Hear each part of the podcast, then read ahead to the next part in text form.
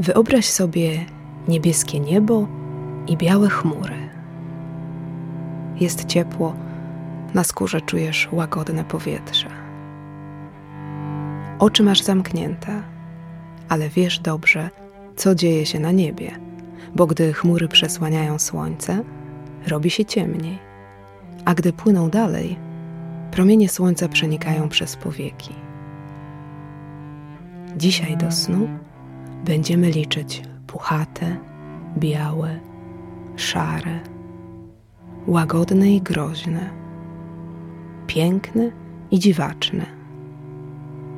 Nie, nie barany, ale chmury. Przygotuj się na tę podniebną wyliczankę. Ułóż się wygodnie, odpręż całe ciało. Weź powolny, głęboki wdech i równie powolny wydech. Za chwilę zaczynamy. Zanim jednak zaczniemy, z wdzięcznością spójrzmy w przeszłość. Gdyby ponad 200 lat temu pewien brytyjski chemik nie odkrył, że jego pasją jest obserwacja pogody, nie byłoby naszej wyliczanki. Luke Howard, urodzony w Londynie w 1772 roku, karierę zaczął od farmacji. Z czasem jego zakład produkcji leków stał się dużym przedsiębiorstwem, produkującym zarówno medykamenty, jak i produkty chemiczne dla przemysłu.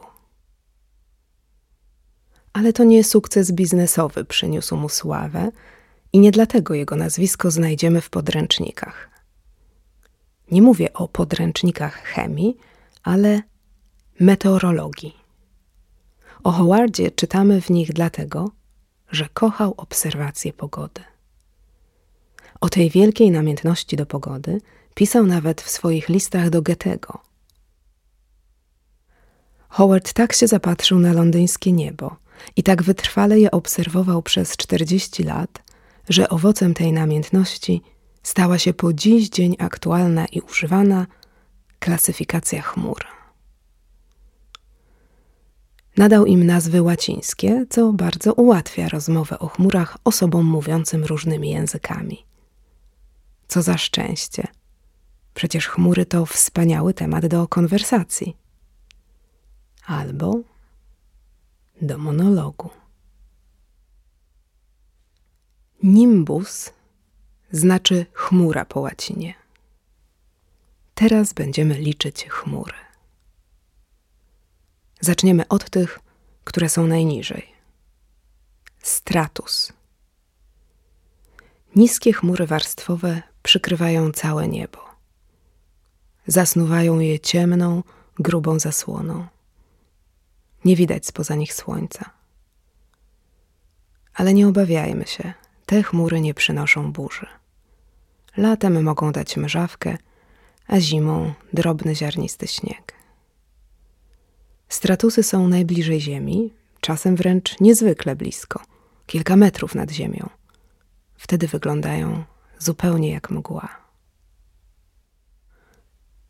Druga w kolejności chmura to cumulus. Cumulus po łacinie znaczy nadmiar, nadwyżka, ale też stos, co do pewnego stopnia odzwierciedla ich kształt. Często są szersze u podstawy i nierówne przy wierzchołku. O tych łacińskich ciekawostkach językowych mało kto pamięta, ale wiele z nas wie, że cumulus to chmura kłębiasta. Płyną przez przestworza najczęściej w pojedynkę. Między jednym a drugim kumulusem widzimy niebieskie niebo. Chmury kłębiaste, jak nazwa wskazuje, przypominają białe, gęste kłęby waty, czy może wełny, czy może lodów śmietankowych. Składają się wyłącznie z kropli wody. Rzadko kiedy jest z nich deszcz, ale często dużo zabawy, bo kształty kumulusów bywają przedziwne. Trzecia chmura to stratocumulus – Strata to warstwa po łacinie. Więc słusznie się domyślacie, że stratocumulus to chmury kłębiasto-warstwowe. Te chmury są raczej szare niż białe, a ich skłębione ławice tworzą na niebie dosyć regularne wzory. Przesłaniają słońce, ale nie zupełnie. Te wzory wyglądają tak efektownie właśnie dlatego, że w tle, gdzie niegdzie, prześwituje błękit. Stratokumulusy najczęściej możemy podziwiać po ulewnym deszczu. Natomiast kiedy na niebie pojawia się nimbostratus, czwarta chmura w naszej wyliczance, musimy się przygotować na deszcz.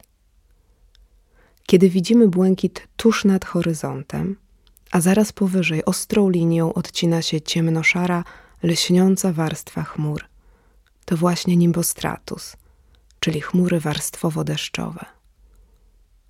Są to chmury potężne i grube. Czasem ta ciemna warstwa może mieć grubość nawet kilku kilometrów. Nie przepuszcza więc ani odrobiny słońca i przynosi długotrwały deszcz lub śnieg.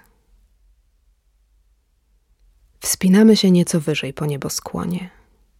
Na wysokości około pięciu kilometrów napotykamy piątą chmurę altocumulusa, który tworzy na niebie piękny wzór, gęściej przetykany błękitem niż w przypadku stratocumulusa. Chmury średnie kłębiaste czasem są świetliście białe, czasem szare, czasem dwukolorowe. Zwykle nie utrzymują się zbyt długo, więc cieszmy się ich pięknym widokiem, bezpieczni i spokojni. Z tych chmur nie ma deszczu. Zupełnie inaczej niż w przypadku chmury numer 6, czyli cumulonimbusa.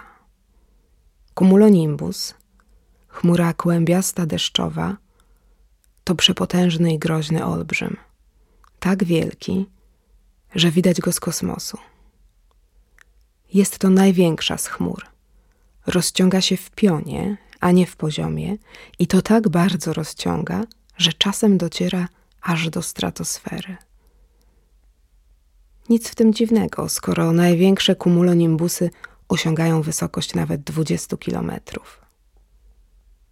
Ich niższe warstwy składają się głównie z kropelek wody, wyższe z kryształków lodu, bo temperatura spada tam poniżej zera. Pionowe prądy powietrza we wnętrzu chmur kłębiasto-deszczowych mogą osiągać prędkość nawet 100 km na godzinę. Cumulonimbus ma często kształt kowadła. Wąski u dołu, szeroki u góry. Od samego patrzenia można się najeść strachu. Ten gigant bywa naprawdę groźny. Przynosi gwałtowne opady deszczu, błyskawice, grzmoty, czasem nawet tornada. Jako siódmy w naszej wyliczance pojawia się altostratus – Chmury średnie warstwowe tworzą się na wysokości około 7 km. Składają się z drobnych kropelek wody i kryształków lodu.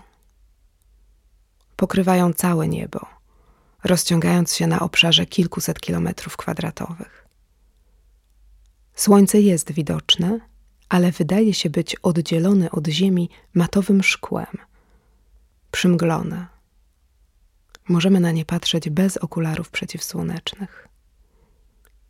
Z tych chmur nie ma wiele deszczu, ale pamiętaj, są one zapowiedzią nadchodzących dużych opadów.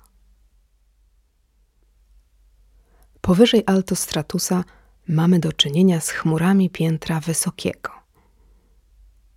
Przyszedł więc czas na chmurę numer 8 Cirrusa. Cirrus znaczy po łacinie pasmo włosów. I rzeczywiście, delikatne pasma cirrusa przypominają kosmyki rozwiane na wietrze. Po polsku to chmury pierzaste. Patrząc na ich kształt i kierunek, w jakim się poruszają, możemy wywnioskować, w którą stronę wieje wiatr na wysokości 13 kilometrów.